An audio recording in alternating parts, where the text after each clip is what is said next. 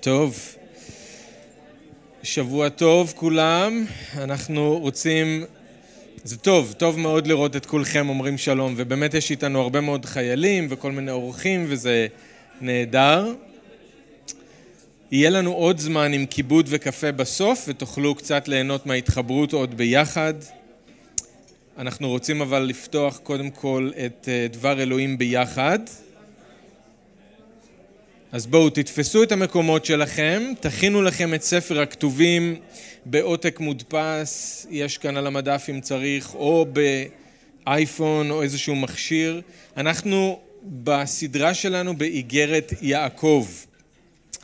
אז אם אתם זוכרים בפעם הפעם הקודמת אז אנחנו אה, למדנו על איגרת יעקב רק באופן אה, כללי, מבט מגבוה על כל האיגרת כולה כדי להכיר אותה קצת יותר, אבל היום אנחנו רוצים להתחיל לצלול לעומק כמו שאנחנו עושים בדרך כלל עם האיגרות שאנחנו לומדים או בכלל מהכתובים אה, פסוק אה, פסוק ולראות איך אלוהים רוצה לדבר אלינו דרך הדבר שלו. אז אתם יכולים לפתוח ליעקב פרק א', אנחנו נהיה בארבעת הפסוקים הראשונים. אני רק רוצה לתת לכם קצת הקשר למה אנחנו נפגוש בפרק א'. אה, יעקב מתמקד, אולי באופן מפתיע, אולי לא, אבל הוא מתמקד קודם כל בניסיונות. אחד הדברים הכי קשים לנו אה, כמאמינים להתמודד איתם, ניסיונות. אתם זוכרים שאמרנו שהאיגרת הזאת היא מעשית מאוד, היא מאתגרת והיא מעודדת. אז אנחנו יכולים לצפות לפגוש כאן את החיים האמיתיים. יעקב, אם אתם זוכרים, אמרנו, הוא לא כל כך בא ללמד אותנו במה להאמין, כמו שהוא מאתגר אותנו לחיות את מה שאנחנו כבר מאמינים בו. אז זה מה שאנחנו פוגשים באיגרת הזאת, הרבה מאוד דברים על החיים האמיתיים, מה קורה כשהאמונה שלנו פוגשת את החיים בחוץ, איך זה נראה, מה אנחנו אמורים לעשות, איך להתמודד עם זה, והדבר הראשון שהוא מדבר איתנו עליו זה ניסיון, הניסיונות. עכשיו אנחנו נראה שהוא אומר לנו שני דברים לגבי הניסיונות, שני דברים, אחד זה דבר שאפשר להגיד שהוא חיובי וסיבה לשמוח. השני, דבר, לא שהוא שלילי, אבל יש אזהרה, וזאת סיבה שאנחנו צריכים אולי אפילו לפעמים לברוח. על מה אנחנו צריכים לשמוח? על מה אנחנו יכולים לשמוח? על זה שהניסיון מביא איתו אפשרות לשינוי, ואנחנו נדבר על זה היום ובפעם הבאה. אבל אנחנו גם צריכים להיזהר כי כל ניסיון גם מביא איתו את האפשרות לפיתוי. הוא מביא איתו את השינוי, אפשרות לשינוי לפחות, מביא איתו גם את הסכנה של הפיתוי. הכל קורה בהקשר של הניסיון. אז אנחנו היום מתחילים עם הנושא הראשון שהוא נוגע בו בהקשר לניסיון וזה השינוי. אפשר להגיד שכל הקטע הזה אפשר לתת לו את הכותרת של מה שיעקב אולי אומר לנו וזה תברכו על השינוי אבל תברחו מהפיתוי. אז כשהניסיון בא תברכו על השינוי אבל תיזהרו אולי אפילו תברחו מהפיתוי. שני הדברים באים באותו זמן כשהניסיון מגיע עלינו אז אנחנו נראה את זה היום. אמ, אז אני קורא ביעקב פרק א', פסוקים 1 עד 4. יעקב, עבד אלוהים ואדוננו ישוע המשיח, דורש בשלום 12 השבטים שבגולה, ואני רק אזכיר שדיברנו על זה בפעם הקודמת, מי זה יעקב, מי הם 12 השבטים, אז אחי אה, ישוע המשיח, או חצי האח שלו, ו-12 השבטים הם היהודים שחיים מחוץ לארץ ישראל, היהודים המאמינים. לשמחה גדולה חישבו זאת אחי, כאשר אתם באים בכל מיני ניסיונות. שהרי יודעים אתם, כי בחינת אמונתכם מביאה לידי סבלנות. אבל שתהא הסבלנות שלמה בפועלה, למען תהיו שלמים ובלא דופי, ולא יחסר לכם דבר. כן, אז אבינו שבשמיים, אנחנו רוצים להודות לך על דברך, אנחנו כל פעם מתפעמים מאיך שאתה לוקח את דברך ופועל באמצעות דברך בתוך חיינו. אנחנו מבקשים שאתה תחיה את דברך אלינו גם הערב.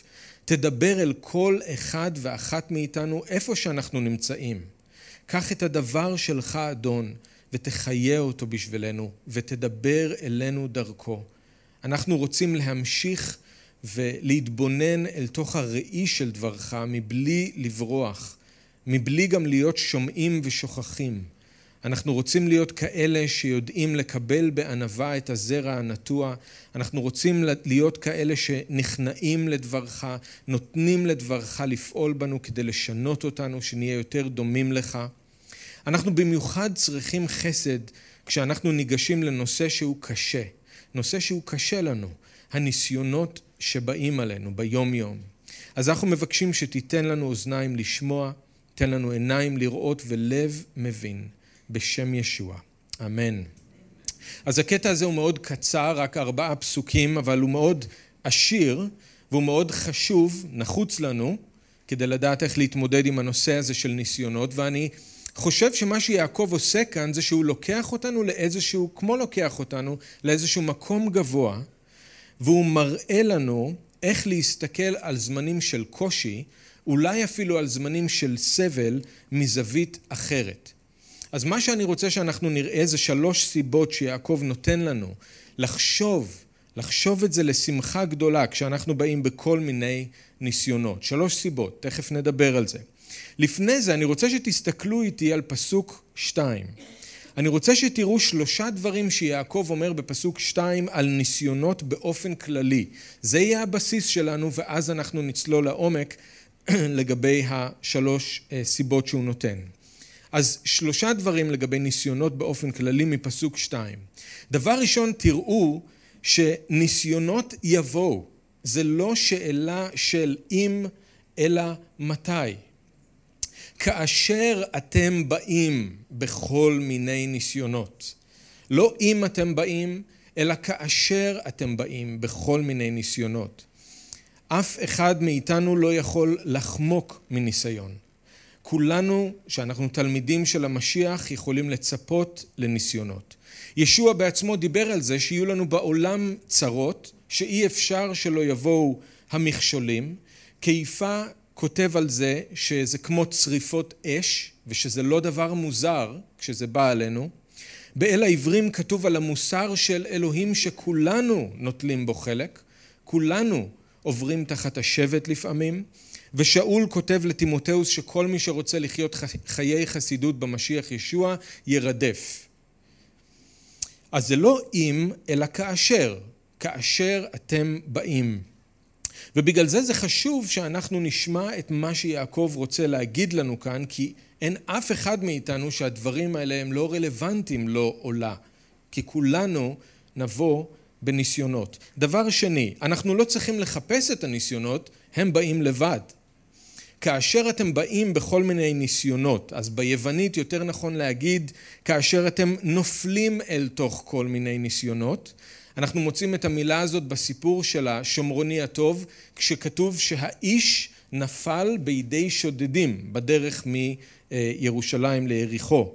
אז אה, זה אותו הדבר כאן, כשאנחנו נופלים אל תוך הניסיונות. אז אנחנו לא מחפשים את הניסיונות, אנחנו גם לא רוצים את הניסיונות. אנחנו פשוט פתאום מוצאים את עצמנו בתוכם. אנחנו פתאום נופלים אליהם. וזאת עוד סיבה שחשוב שנקשיב למה שיעקב אומר לנו כאן, כי אין זמן הכנה לפני הניסיון. הוא פשוט פתאום מגיע. דבר שלישי, הניסיונות באים בכל מיני סוגים וגדלים. בכל מיני ניסיונות. והמילה כאן ביוונית זה כמו שרוצים להגיד שבגד הוא צבעוני, כן? קשת של צבעים, מגוון של צבעים, משתמשים במילה הזאת. אז כמו קשת של צבעים או של גוונים, ככה יש מגוון אינסופי של ניסיונות. זה לא רק רדיפות בגלל האמונה, זה לא רק דברים מאוד קשים, זה גם ניסיונות קטנים וקצרים ביום יום שלנו. זה יכול להיות התור בסופר, זה יכול להיות מישהו שקשה לנו איתו בעבודה, זה יכול להיות הטלפון שלנו שהתקלקל. כל הדברים האלה הם ניסיונות. כן, זה יכול להיות גם דברים קשים, אולי אפילו ארוכים, כמו התמודדות עם מחלה, או אובדן, או דיכאון, או משבר בנישואים. כל מיני ניסיונות. כל מיני. אז הניסיונות יבואו, לא אם, אלא כאשר, הם יבואו פתאום, אנחנו ניפול, ניפול אליהם כמו שאנחנו כמו שאותו איש נפל בידיים של השודדים, הם יבואו בגדלים ובסוגים שונים. אוקיי?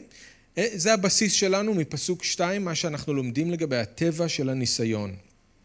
אז זה חשוב שאנחנו נדע את זה כדי שאנחנו לא נהיה מופתעים, שהניסיון לא יתפוס אותנו לא מוכנים, אבל חשוב שאנחנו נזכור שזה לא משהו שאנחנו יכולים למנוע. אי אפשר להתחמק מניסיונות. זה הטבע שלהם, ככה הם באים אל תוך החיים שלנו.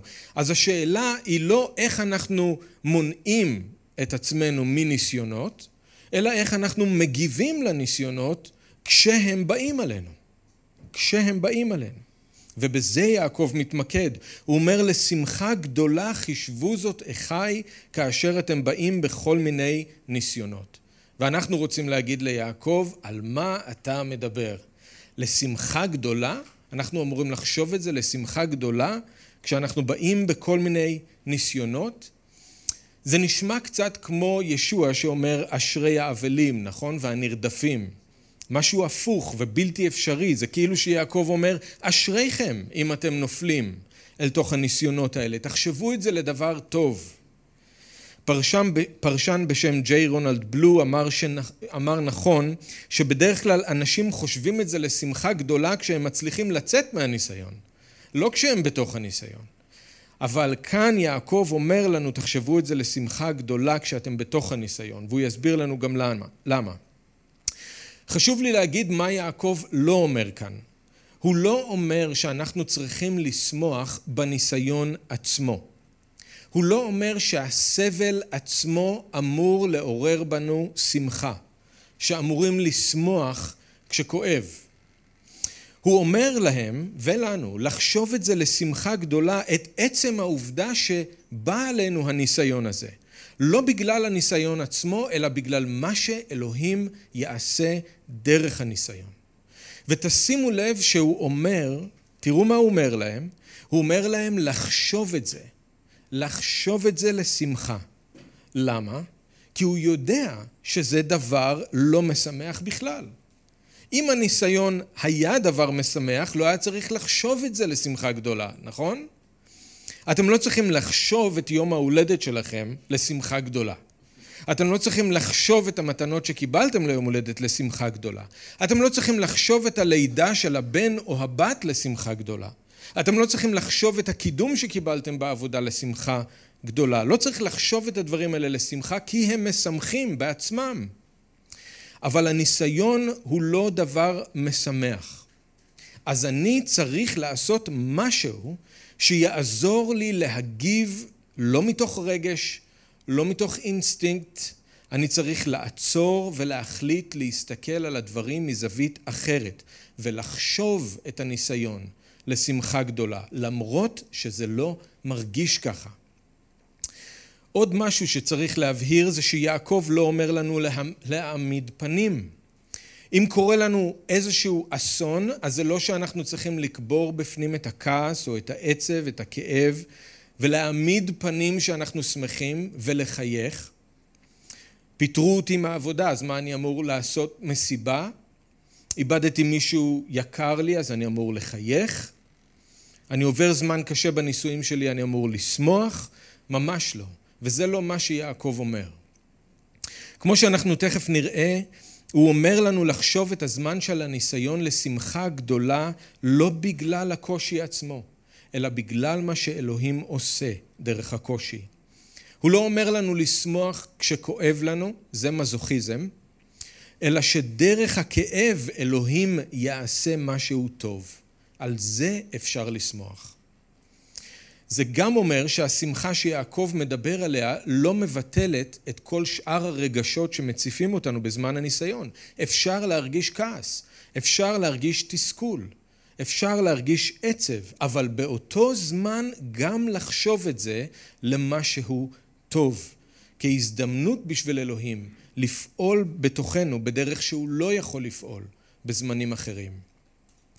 האלוהים שאיתנו באור הוא אותו אלוהים שאיתנו בחושך, אבל בחושך אנחנו מגלים אותו בדרך אחרת לגמרי מאשר באור, ואנחנו מתקרבים אליו בדרך אחרת לגמרי, והוא אלינו.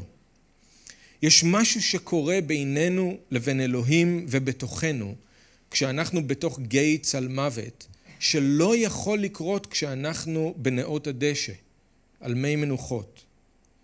זה הלילה, לא היום שנותן במה לירח ולכוכבים. רק כשחשוך האור שלהם מתגלה. ואם אנחנו רוצים לראות את היופי של הכוכבים, אז אנחנו צריכים לסבול את החושך של הלילה. זה מה שיעקב אומר על שמחה בזמנים של ניסיונות. לא שאנחנו צריכים לשמוח כי פתאום הכל נהיה אפל וחשוך, אלא כי אנחנו יודעים שעוד מעט השמיים יתמלאו באור אחר לגמרי, אור שאפשר לראות רק אחרי שהשמש שוקעת והלילה יורד. אז בואו נראה מה יעקב אומר לנו, איזה, על איזה אור הוא מדבר שיכול לזרוח בתוך החושך של הניסיון. שלוש סיבות שהוא נותן לנו לחשוב את הזמנים האלה לשמחה גדולה. הסיבה הראשונה היא שבזמנים של ניסיון, אלוהים לא מנסה לבדוק אם יש לנו אמונה וכמה היא חזקה, אלא הוא משתמש בניסיון כדי לבחון או לצרוף או לזקק את האמונה שכבר יש לנו.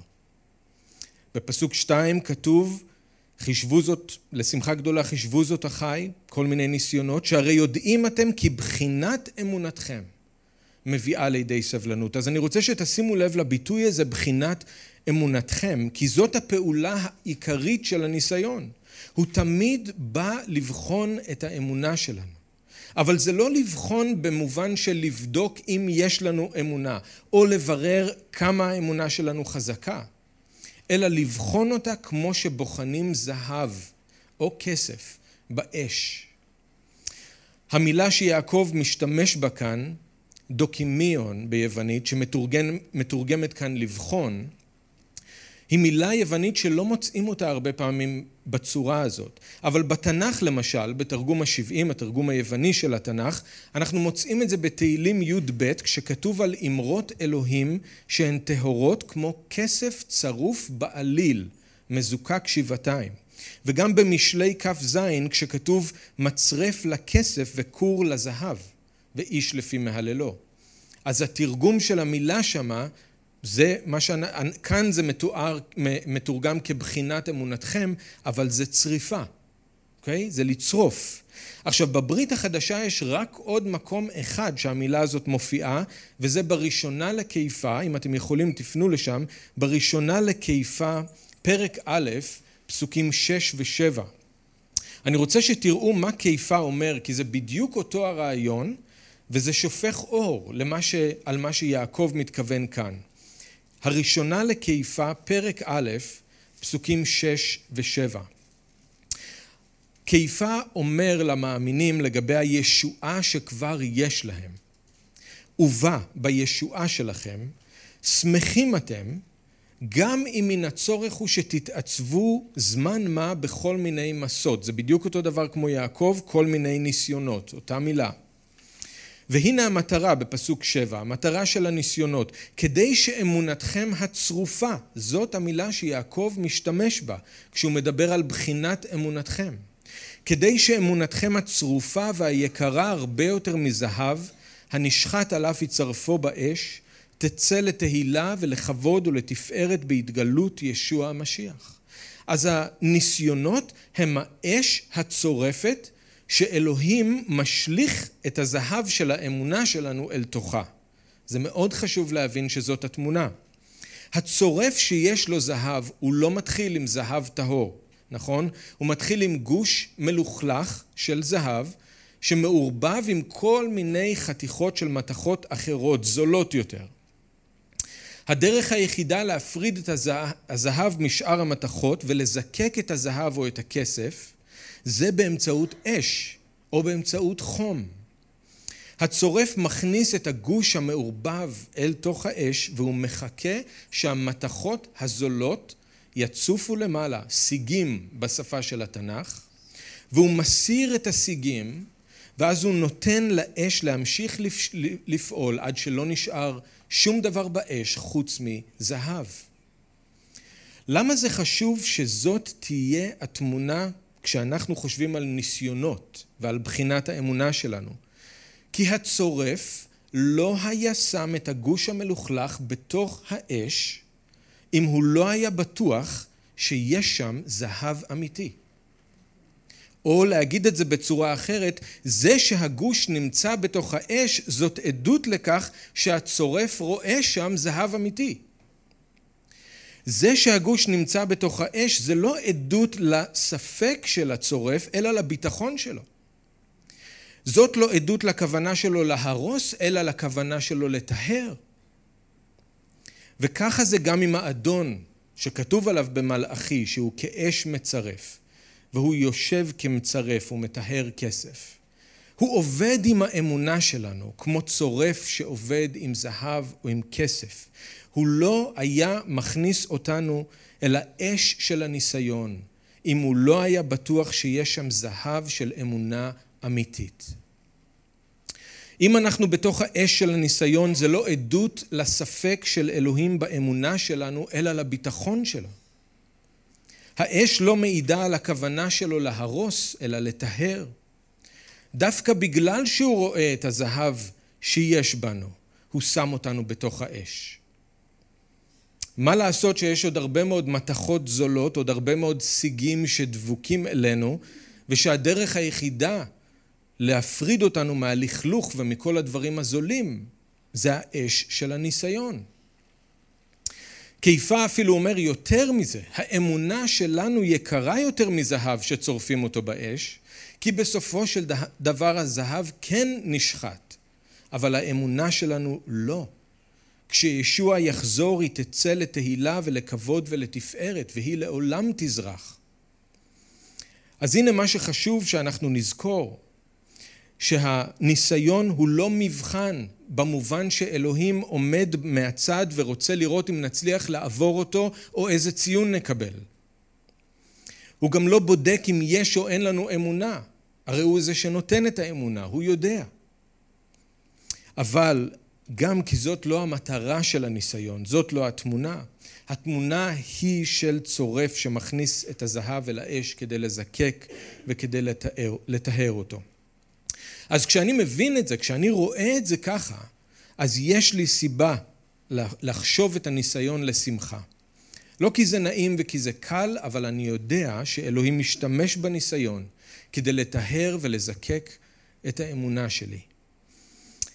אני גם יודע שהאש היא עדות לזה שהוא רואה בי אמונה אמיתית ושהוא רוצה להוציא אותה לאור. זאת שמחה, סיבה לחשוב את זה לשמחה. אוקיי, הסיבה השנייה שאנחנו יכולים לחשוב את הניסיון לשמחה, זה שבזמנים של ניסיון, אלוהים לא מנסה להחליש או לשבור אותנו, אלא להפך, הוא משתמש בניסיון דווקא כדי לחזק אותנו. תראו מה יעקב אומר שבחינת האמונה עושה. שהרי יודעים אתם כי בחינת אמונתכם מביאה לידי סבלנות.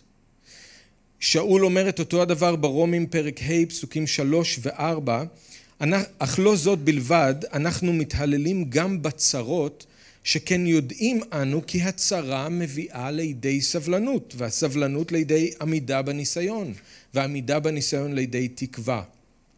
עכשיו גם שאול וגם יעקב הם לא מדברים כאן על סבלנות במובן רק של לחכות למשהו כמו סבלנות בתור לקופה, או כשאנחנו מחכים לרמזור שיתחלף. זה חלק מזה, אבל שאול ויעקב מדברים על משהו שהוא הרבה מעבר.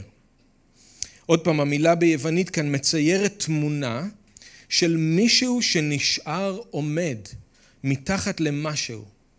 אולי זה מסע כבד, אולי זה איזשהו לחץ שמופעל עליו, אבל הוא נשאר והוא מצליח להחזיק מעמד.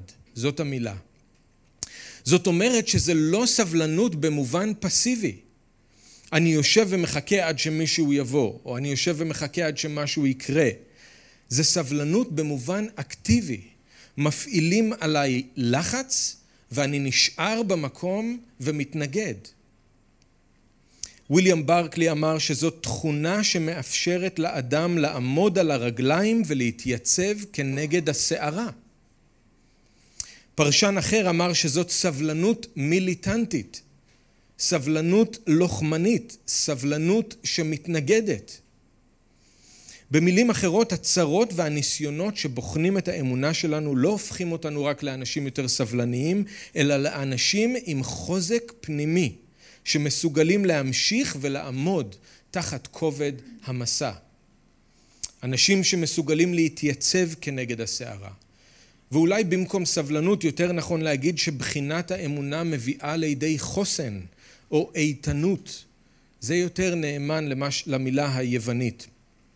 אז בזכות הניסיונות אנחנו הופכים להיות אנשים איתנים, אנשים עם חוסן. אלוהים מאפשר לסערה לבוא, אבל לא כדי להפיל את העץ או לשבור אותו, אלא כדי שהוא יתחזק כתוצאה מההתנגדות. עם כל סערה שורשים גדלים והעץ מתחזק, ועם הזמן נבנה בו חוסן. ומה שפעם היה נראה כמו סערה אדירה, עובר לידו עכשיו כמו משב רוח קל. וככה זה איתנו. הניסיונות מוציאים מאיתנו כוחות שלא ידענו שיש בנו. ובלי לשים לב, אנחנו הולכים ומתחזקים. מה שפעם הרעיד אותנו וטלטל אותנו, היום עובר לידינו ואנחנו בקושי מרגישים. אולי אתם חושבים אבל, רגע, אי אפשר בלי הסערות, אי אפשר בלי הניסיונות, למה צריך את כל זה? אין דרך אחרת? אז הנה משל מהחיים האמיתיים בשבילנו, אולי אתם מכירים את ה... זה מקרה אמיתי, אולי אתם מכירים את הסיפור הזה על מה שקרה, אבל אני מאוד אוהב את הסיפור הזה כמשל.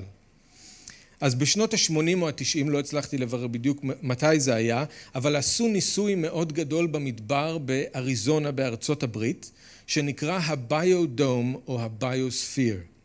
והרעיון היה ליצור סביבת חיים מושלמת שתתאים לחיי אדם, לצמחים, לבעלי חיים. אז הם בנו כיפת זכוכית ענקית באמצע המדבר, ובפנים הם יצרו סביבה מלאכותית מבוקרת עם אוויר, עם מים מתוארים, עם אדמה בריאה מדושנת ועם אור מסונן, והכוונה הייתה לאפשר תנאי גידול מושלמים, כן? לעצים, פירות, ירקות ובני אדם. עכשיו, אנשים חיו שם בתוך הביודום במשך הרבה חודשים בכל פעם. הם נכנסו וחיו שם ויצאו. עכשיו, זה היה נראה שהכל עובד מצוין, חוץ מדבר אחד. הייתה בעיה עם העצים. כשהעצים בתוך הביודום גדלו, הם היו מסוגלים לגדול עד לגובה מסוים, אבל אז הם היו פתאום נעקרים ונופלים.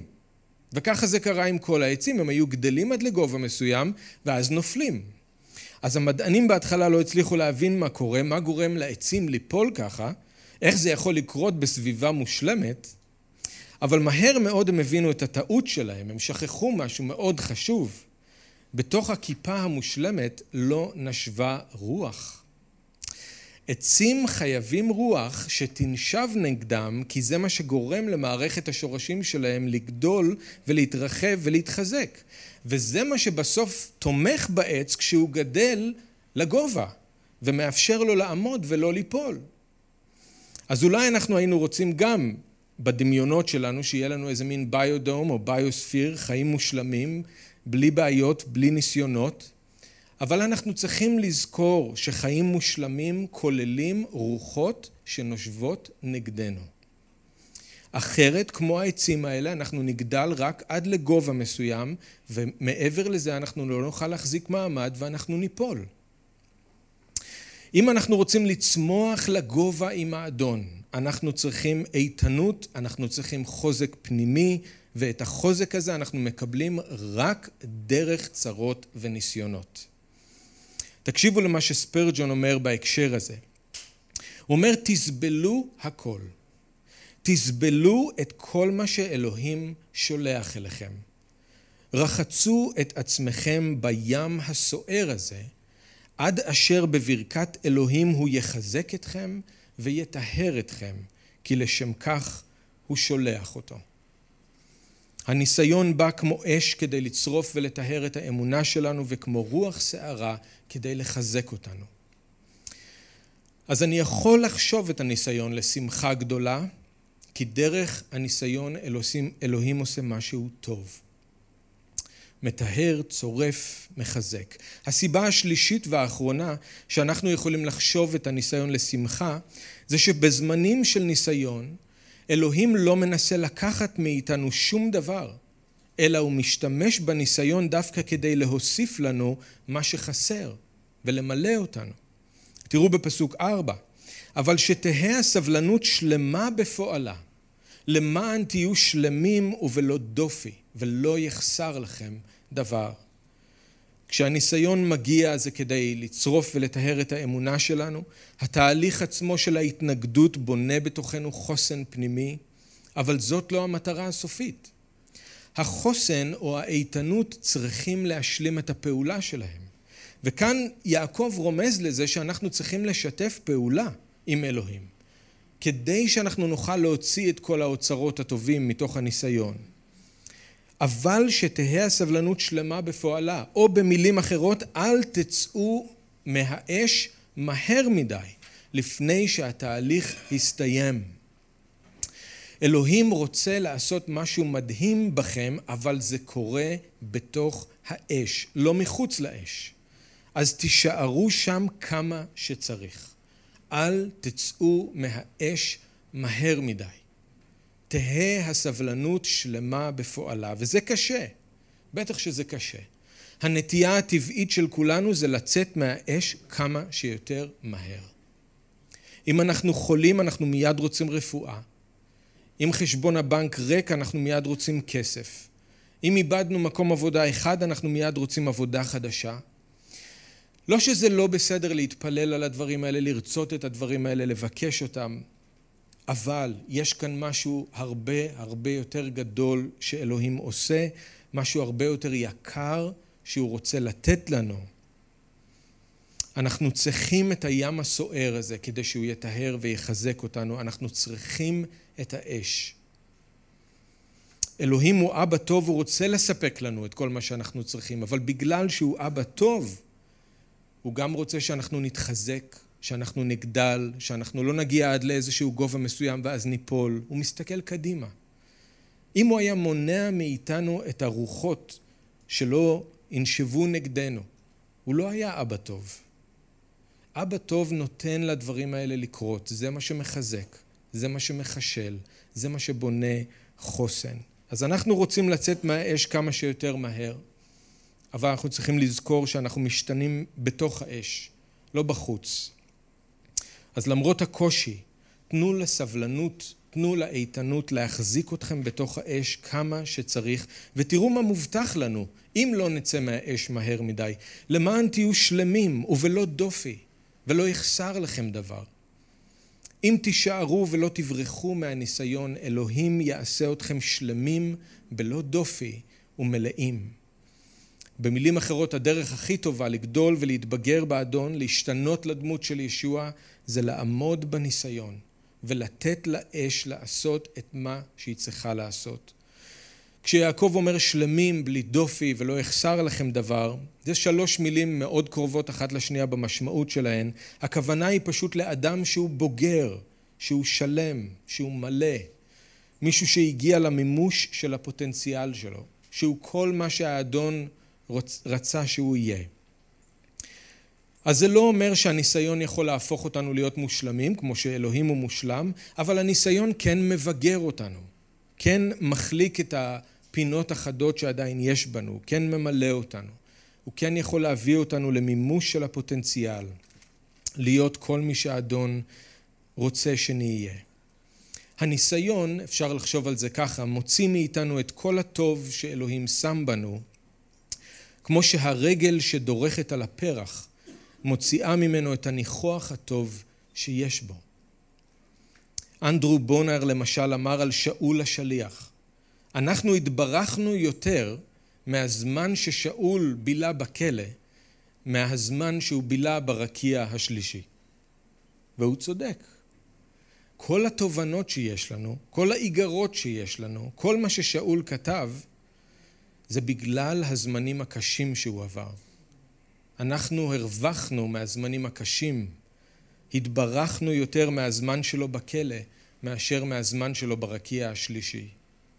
אז יש אוצרות שמחכים לנו בתוך האש של הניסיון, ויעקב מפציר בנו, אל תחמיצו את ההזדמנות. הוא לוקח אותנו למקום גבוה, מראה לנו את הניסיון מזווית אחרת, והוא מעודד אותנו לחשוב את זה דווקא לשמחה גדולה כשאנחנו באים בכל מיני ניסיונות. כי דרך הניסיון אלוהים רוצה לצרוף את האמונה שלנו, לחזק אותנו ולבגר ולמלא אותנו. עכשיו אנחנו נראה לא בשבוע הבא אלא בעוד שבועיים את המקום של חוכמה. אלוהים רוצה שאנחנו נבקש ממנו חוכמה, שלא נעבור את הניסיונות ואת הזמנים הקשים לבד, אלא עם החוכמה שלו. אז אנחנו נדבר על זה בעוד שבועיים. אבל לבינתיים אתם יכולים לחזור ולקרוא את הקטע ולהתפלל. יש שם המון, זה קטע קצר אבל הוא עשיר מאוד, ואני חושב שהיתרון הגדול של הקטע הזה זה לא שהוא מנסה למכור לנו משהו שהוא לא אמיתי ולהגיד לנו הניסיון לא באמת כזה קשה, אז תחזיק מעמד. מה, הניסיון מאוד קשה, אבל אתה יכול לבחור לראות אותו אחרת. אתה יכול לבחור לראות אותו אחרת, ואז אתה יכול לחשוב אותו לשמחה גדולה. לחשוב אותו לשמחה גדולה, כי הוא לא שמחה גדולה. אתה צריך להפעיל את השכל, את המחשבה, את הרצון, את ההחלטה שלך, לבחור לחשוב את הניסיון לשמחה גדולה, כי כל הדברים שראינו כאן היום, זה הדברים שאלוהים רוצה לעשות בתוך כולנו בזמן הניסיון. אמן? אז בואו נתפלל. אבא יקר, אנחנו רוצים להודות לך שדברך נותן לנו משענת ונותן לנו כוח. אדון, במיוחד בתוך, אה, כשאנחנו מדברים על נושא כזה של ניסיון, של אש שצורפת, אז במיוחד בתוך האש, בתוך הקושי, בתוך הסבל, אנחנו צריכים לדעת שאתה עושה משהו טוב. ואנחנו מודים לך שדברך אומר לנו שאתה עושה משהו טוב. אנחנו צריכים עזרה כדי להישאר באש, וזה מה שאנחנו מבקשים. הבשר שלנו רוצה לצאת מהאש כמה שיותר מהר, אנחנו רוצים לברוח מהניסיון, אבל אנחנו רוצים להיות נאמנים למה שהדבר שלך אומר, אנחנו רוצים לא לפספס את מה שאתה רוצה לעשות בתוכנו, אנחנו רוצים לתת לסבלנות להיות שלמה בפועלה, למען נהיה שלמים ובלא דופי ולא יחסר לנו דבר, אז תן לנו כוח. תן לנו כוח להמשיך ולעמוד. תן לנו כוח לעמוד בסערה, תן לנו כוח לעמוד באש, ולא לצאת משם לפני שאתה סיימת לעשות את מה שאתה רוצה לעשות בתוכנו. אז אנחנו מודים לך ומברכים אותך בשם ישוע. אמן.